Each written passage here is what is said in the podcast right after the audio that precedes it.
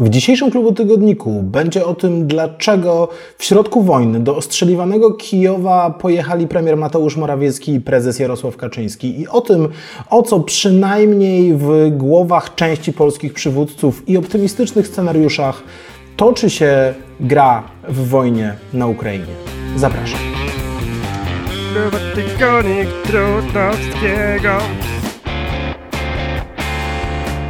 Ja się nazywam Piotr Trudnowski, to jest Klubotygodnik na kanałach Klubu Jagiellońskiego na YouTubie i platformach podcastowych. Dzisiejszy odcinek Klubotygodnika jest e, wyjątkowy. Nagrywam go we wtorek 15 marca późnym wieczorem po godzinie 22 e, w czasie, kiedy wszyscy oczekujemy na ostateczne komunikaty na temat wyników e, dyplomatycznej delegacji, której pewnie nikt jeszcze w poniedziałek się nie spodziewał. We wtorek z samego rana dowiedzieliśmy się, że do Kijowa rusza dyplomatyczna delegacja z udziałem premiera Mateusza Morawieckiego, prezesa Prawa i Sprawiedliwości, lidera polskiej partii rządzącej Jarosława Kaczyńskiego i premierów Czech.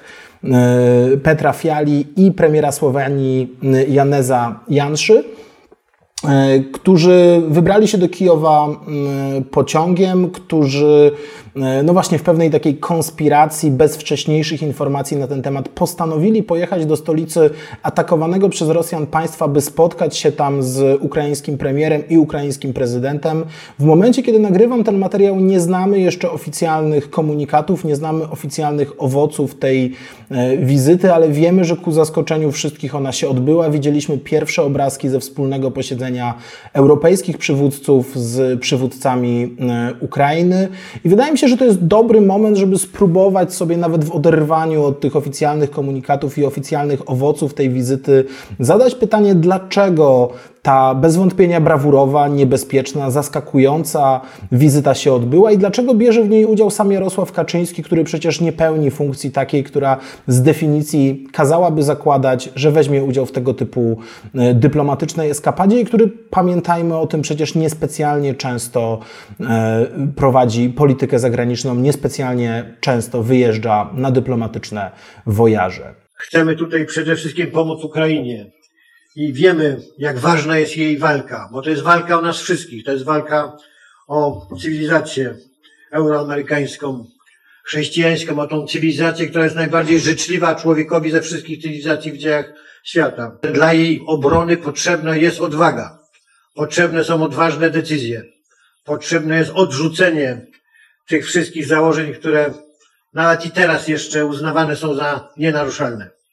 Potrzebna jest gotowość do, w moim przekonaniu, skądinąd pozornego ryzyka. Potrzebna jest misja pokojowa, tak pokojowa, humanitarna, tak humanitarna, ale jedno NATO i być może jeszcze innych organizacji, ale misja osłonięta zbrojnie i odbywająca się na terytorium Ukrainy. Ale zacznę tę wyliczankę od y, powiedzenia o tym, które scenariusze mnie nie przekonują albo nie przekonują mnie jako wyłączna interpretacja tych, y, tej decyzji o tym, by pojechać do Kijowa. Po pierwsze, nie przekonuje mnie scenariusz, że chodzi o sondażowe słupki. Nie sądzę, y, że z powodu sondażowych słupków, które przecież doskonale wiemy, nie są trwałe i niekoniecznie ta wizyta przełoży się na trwałe poparcie w polskiej polityce dla Prawa i Sprawiedliwości, by to usprawiedliwiało tak ryzykowną e, wizytę i tak odważną decyzję, brawurową, jak powiedziałem, e, decyzję, by pojechać w tej sytuacji e, do Kijowa. Efekty sondażowe wcale nie są pewne, a ryzyko było naprawdę duże.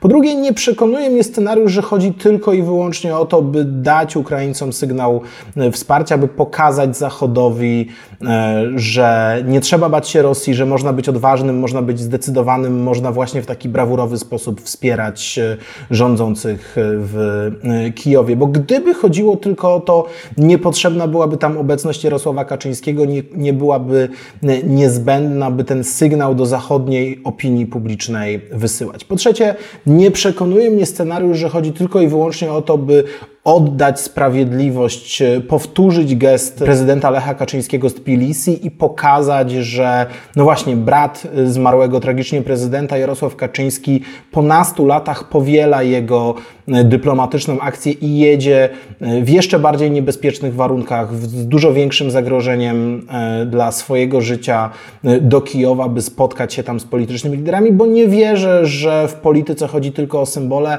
Jakkolwiek ta wizyta Lecha Kaczyńskiego ma już swoje miejsce w historii, miejsce w historii, które tak naprawdę przyznawane jest e, tej wizycie dopiero od trzech tygodni w takiej randze, jakiej, o jakiej wtedy pewnie Lech Kaczyński myślał. Nie wydaje mi się, by ten symboliczny wymiar był wystarczającym uzasadnieniem dla tego wyjazdu. Gdy zainicjowałem ten przyjazd, niektórzy sądzili, że prezydenci będą się obawiać. Nikt się nie obawiał, wszyscy przyjechali. Bo środkowa Europa ma odważnych przywódców. I chciałbym to powiedzieć nie tylko Wam. Chciałbym to powiedzieć również tym z naszej wspólnej Unii Europejskiej, że Europa Środkowa Gruzja, że cały nasz region będzie się liczył, że jesteśmy podmiotem. I my też świetnie wiemy, że dziś Gruzja, jutro Ukraina, pojutrze państwa bałtyckie, a później może i czas na mój kraj, na Polskę. Byliśmy głęboko przekonani, że przynależność do NATO i Unii zakończy okres rosyjskich apetytów. Okazuje się, że nie, że to błąd. Ale potrafimy się temu przeciwstawić. Jeżeli te wartości, o które miałaby się Europa opierać, mają jakiekolwiek znaczenie w praktyce. Jeżeli mają mieć to znaczenie, to my musimy być tu, cała Europa musi być tutaj. Sądzę mianowicie, że powodem tego wyjazdu i udziału w tym projekcie Jarosława Kaczyńskiego jest przekonanie liderów politycznych e, Prawa i Sprawiedliwości, że to, co obserwujemy w tej chwili na Ukrainie, to gra o wiele dalszą, wiele poważniejszą stawkę niż tylko wynik tego konfliktu.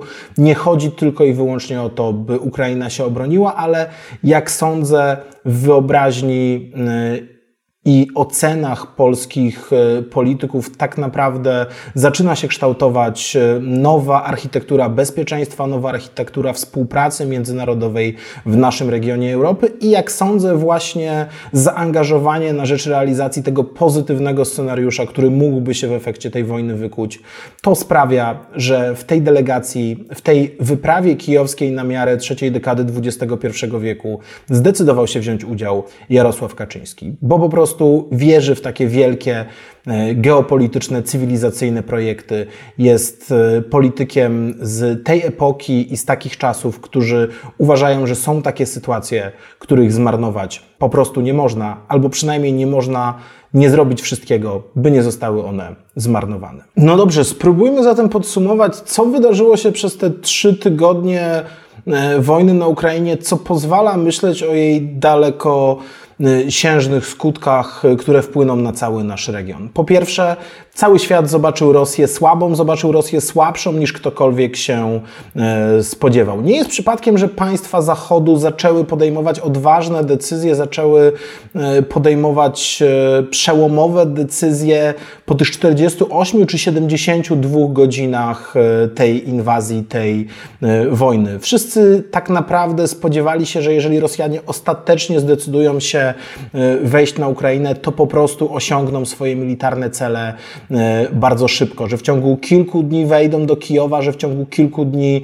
osiągną te krótkoterminowe cele. Amerykanie, Niemcy, e, Francuzi spodziewali się tego, że jeżeli do tej wojny dojdzie, to nie będzie to dla Rosji jednoznaczny sukces, bo po prostu szybko zacznie się wojna partyzancka, że Ukraińcy będą stawiali opór, w tym kierunku Ukraińców wspierano, w tym kierunku Ukraińców dozbrajano, ale nikt nie spodziewał się tego, że po trzech tygodniach od początku wojny e, Kijów cały czas będzie w ukraińskich rękach, że tak naprawdę Rosjanie nie osiągną większości swoich taktycznych i strategicznych celów. Rosja po prostu okazała się słaba, rosyjska armia okazała się słaba, no i właśnie w związku z tym po tych kilku pierwszych dniach konfliktu Zachód zaczął podejmować decyzje, których pewnie sam się po sobie nie spodziewał. Decyzje bezprecedensowe, takie jak ta decyzja Niemców o dozbrajaniu zastanawianiu się, jak ta decyzja o bezprecedensowych sankcjach podjęta przez wspólnotę Zachodu, decyzja o e, wsparciu wojskowym, jaką podjęła Unia Europejska, to były rzeczy, które trudno było sobie wyobrazić przed wybuchem tego konfliktu, a stało się to właśnie dlatego, że Rosjanie okazali się słabi. Po drugie, w związku z tym można na poważnie wyobrażać sobie, że Rosja nie wróci już do roli, jaką odgrywała dotychczas, że to oznacza w jakimś sensie koniec tego postzimnowojennego ładu, w którym Rosja jako główny sukcesor Związku Sowieckiego cały czas pełnił ważną rolę w architekturze bezpieczeństwa, w tym globalnym e, ładzie, dlatego, że jako sukcesor Związku Sowieckiego była po prostu silna. Dzisiaj możemy zacząć sobie wyobrażać świat, w którym Rosja nie odgrywa już takiej roli jak e, dotychczas. Bez względu na to, jaką drogą będzie się staczała. Czy będzie to droga staczania się od autorytarnej putinowskiej Rosji do jakiejś jeszcze bardziej ponurej, e, totalitarnej autarki? Czy będzie to rola totalnej wasalizacji e, przez Chiny? Czy będzie to wreszcie rola jakiego, czy będzie to scenariusz jakiegoś przewrotu pałacowego, który doprowadzi do dekady czy wielu, wielu lat smuty w Rosji. Scenariusz, w którym kończy się ta architektura, w której Rosja odgrywała ważną rolę, jest dzisiaj po prostu realny, jest na stole. Po trzecie, Istnieje realny scenariusz, że jeżeli Ukrainie uda się zwyciężyć w tym konflikcie, to Ukraina stanie się państwem silnym, trwale niepodległym i państwem, którego aspiracje do bycia częścią Zachodu będą po prostu naturalne, oczywiste i będą miały szansę zostać spełnione. Oczywiście czeka Ukrainę e, potężne wyzwanie odbudowy, potężne wyzwanie e, poradzenia sobie z tym ogromem strat, ogromem e, strat, które ponosi w efekcie tej wojny, ale dzisiaj tak naprawdę przynależność Ukrainy do wspólnoty Zachodu wydaje się czymś oczywistym. I ta silna, niepodległa i zachodnia Ukraina może być budowana na takim fundamencie zdrowego, nowoczesnego nacjonalizmu, nacjonalizmu, którego mitem założycielskim będzie właśnie to doświadczenie wojny lat 2014-2022, bo oby ta wojna się w tym roku skończyła. I może to oznaczać, że spełni się ten scenariusz, o którym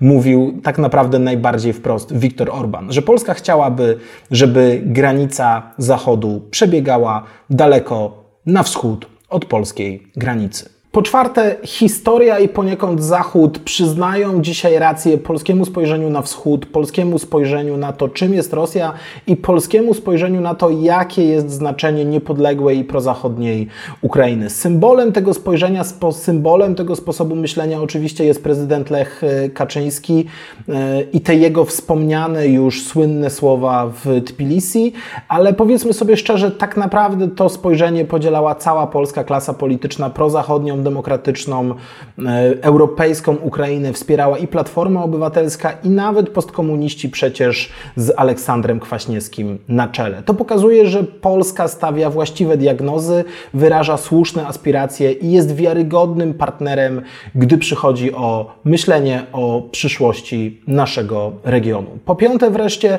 znaleźliśmy się w wyjątkowym miejscu, staliśmy się bardzo ważnym państwem w tym konflikcie, staliśmy się państwem, które E, bardziej niż ktokolwiek e, podaje dzisiaj pomocną dłoń Ukraińcom i Ukrainie. Jako naród, jako społeczeństwo jesteśmy na pierwszej linii frontu wsparcia uchodźców. Mamy dzisiaj w Polsce już ponad półtora miliona uchodźców, którym właśnie Polacy udzielają bezprecedensowego, ogromnego wsparcia. A w polityce międzynarodowej, w dyplomacji Polska jest dzisiaj tym, kto najbardziej zabiega o wsparcie dla Ukrainy, kto przypomina Zachodowi, że nie można odpuścić, że trzeba konsekwentnie Ukraińcom pomagać. Pokazujemy w ten sposób nie tylko, że dobrze rozeznajemy rzeczywistość, ale również to, że jesteśmy wierni jako naród, jako społeczeństwo, jako państwo dziedzictwu tradycji Solidarności, ale też tak naprawdę zyskujemy przy okazji potężny kapitał moralny, który będzie można wykorzystać w przyszłej polskiej polityce.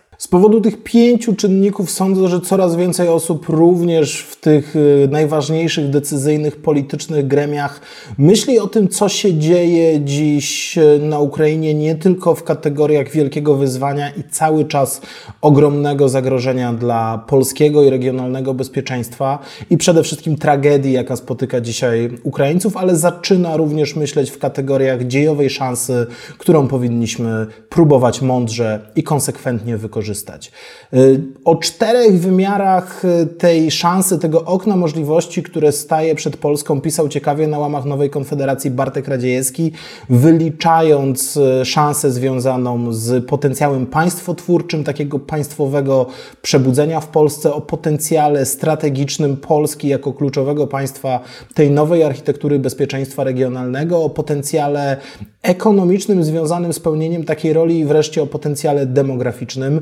Jeszcze dalej w swoim tekście, choć nie bez wątpliwości i nie bez zwracania uwagi na to, że to również e, trudne, wcale niełatwe, wcale nie lepsze od scenariusza Zjednoczonego Zachodu e, wyzwanie, e, pisał na łamach magazynu Kontra Michał Kuś, który napisał właśnie w ostatnich dniach następujące słowa. Niewykluczone, że znudzone przepychankami ze starymi sojusznikami Stany Zjednoczone w perspektywie dwóch, trzech lat zagrają twardo na rozbicie Unii Europejskiej na starą Unię oraz swoistą Konfederację Środkowoeuropejską, a także na stworzenie NATO BIS wspartego głównie o potencjał Polski, Rumunii, Ukrainy i Turcji, o której dronach bojowych już przecież na Ukrainie śpiewa się piosenki. Nie jest to coś, z czego Warszawa powinna się oczywiście przesadnie cieszyć. Taka konstrukcja będzie słabsza niż Zjednoczony Zachód. Na krajach obecnej wschodniej flanki NATO, w tym Polsce, spocznie zaś ogromna odpowiedzialność, którą zwyczajnie może nam być trudno unieść.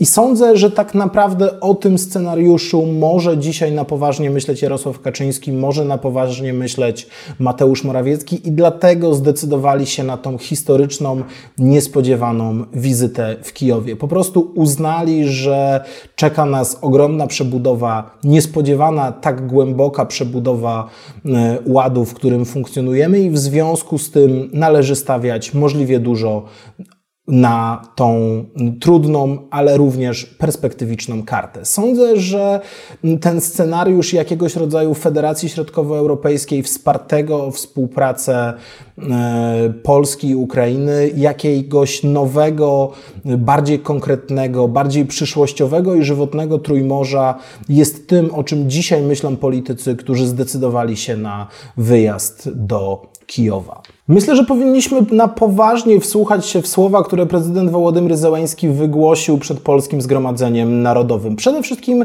z tego powodu, że moim zdaniem prezydent Zełański ma w tym konflikcie jakąś zdolność dotykania wrażliwych strun e, u swoich odbiorców i sądzę, że w tym przemówieniu właśnie to próbował zrobić i w jakimś sensie ośmielił polskich polityków do jeszcze większej aktywności. I nie mam na myśli tylko tych symbolicznych, dla wielu pewnie zaskakujących słów prezydenta Zełańskiego, tych słów o Smoleńsku, tych cytatów z Jana Pawła II i Lecha Kaczyńskiego, ale tak naprawdę mam na myśli dwa fragmenty. Ten, w którym prezydent Zełański mówi o tym 90-milionowym potencjale współpracy polsko-ukraińskiej i ten, w którym prezydent Zełański mówi o tym, że jeżeli Ukraina zwycięży, to tym zwycięstwem z Polską się podzieli.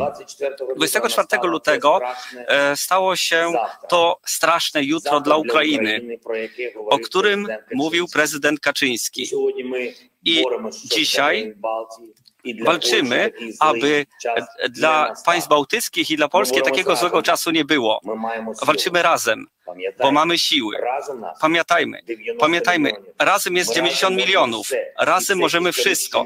I jest to historyczna misja, historyczna misja Polski, historyczna misja Ukrainy, być liderami, być razem, wyciągnąć Rosję z tej wyciągnąć Europę z tej przepaści, z tego zagrożenia, powstrzymać przekształcenie Europy w ofiarę. Szanowni Panie i Panowie, możemy to zrobić. Jeżeli Bóg da i, wy, i zwyciężymy w tej wojnie,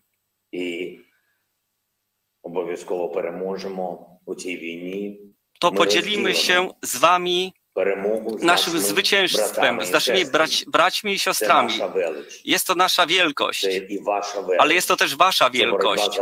Jest to walka o naszą wolność, ale też walka o waszą wolność. Jest to wspólna historia wielkich narodów. Daj Boże nam zwyciężyć. Niech żyje wolna Polska. Niech żyje wolna Ukraina. Jeżeli wsłuchać się na poważnie w słowa, które wygłaszał w ostatnich latach, a właściwie przez ostatnie kilkanaście lat Jarosław Kaczyński, wcześniej Lech Kaczyński, prezydent Andrzej Duda czy premier Mateusz Morawiecki, to zobaczymy, że ten projekt współpracy środkowoeuropejskiej traktowali oni śmiertelnie poważnie i przyznawali mu bardzo dużą, taką cywilizacyjną, geopolityczną e, rangę. Mówili o tym, że to przełomowy, historyczny projekt, można powiedzieć, że kładli na niego bardzo duży nacisk, dużo większy niż ten, który dotychczas był możliwy w ramach realnej współpracy państw naszego regionu. Sądzę, że uważają, że ta dzisiejsza sytuacja tworzy potencjał do tego, by przełamać to geograficzne fatum, w którym się znajdujemy, to położenie między Niemcami a Rosją. A w swoim kluczowym, klasycznym traktacie geopolitycznym pod tytułem właśnie Między Niemcami a Rosją przed e, wieloma laty w 1937 roku Adolf Bocheński pisał następujące słowa. Istnieje w przyszłości wąska i przepastna ścieżka, która przecież prowadzi tam, gdzie tęsknie spogląda każde prawdziwe serce polskie. Do stworzenia wielkiego imperium na wschodzie Europy, którego my byśmy byli jednym z najbardziej decydujących czynników. Nie mam na myśli panowania jednego narodu nad drugim, lecz raczej coś w rodzaju sojuszu politycznego specjalnie trudnego do rozwiązania. Przez zdrowy imperializm XX wieku rozumiemy dążenie do związku kilku państw celem wspólnej obrony, bez panowania jednego państwa czy narodu nad drugim i bez zbyt wielkiego ich wtrącania się wzajemnego w sprawy wewnętrzne kontrahenta. Myślę, że jeżeli spojrzeć na Jarosława Kaczyńskiego jako polityka starej daty, jako polityka, który jest szczerym Piłsudczykiem, który na historii i patrzeniu na politykę jako szansę na wykorzystywanie tych wyjątkowych historycznych okoliczności patrzy, to sądzę, że możemy uznać, że uważa on, że dzisiaj Polska może zagrać powyżej e, możliwości, które miała dotychczas. Ja nie chcę przesądzać, czy ten scenariusz jest możliwy. Wydaje mi się to e, niezwykle romantyczne, niezwykle idealistyczne i optymistyczne spojrzenie na przyszłość. Wydaje mi się, że na bardzo wielu poziomach taki projekt może się nie udać. Ale tym się różni od Jarosława Kaczyńskiego, że Jarosław Kaczyński jest u schyłku swojej politycznej kariery i myśli o tym, by pozostawić po sobie coś, co znajdzie miejsce na kartach historii, coś, czego będzie mógł być ojcem chrzestnym czy architektem. Dlatego sądzę, że właśnie ze względu na wagę takiego geopolitycznego projektu zdecydował się osobiście tak poważnie zaangażować i pojechać razem z premierem Morawieckim, premierami Czech i Słowenii na Ukrainę. Nie wiem, czy to się uda. Nie wiem, czy to połączenie polskiego realizmu i romantyzmu jest możliwe i czy mogłoby zostać kiedykolwiek zrealizowane. Nie wiem wreszcie, czy w dzisiejszym świecie takie projekty mogą się udać. Ale sądzę, że tym właśnie takim myśleniem kierowali się polscy politycy, jadąc do Kijowa 15 marca 2022 roku. To był Klubotygodnik Audycja Klubu Jagiellońskiego dostępna teraz w wersji YouTube'owej i podcastowej. By nie przegapić kolejnych odcinków, subskrybuj nasze kanały na YouTube, Spotify lub Apple Podcast. A najlepiej zapisz się na nasz newsletter wchodząc na www.klubjagielloński.pl. Tam też możesz wesprzeć finansowo naszą aktywność podcastową i vlogową. Bardzo to prosimy.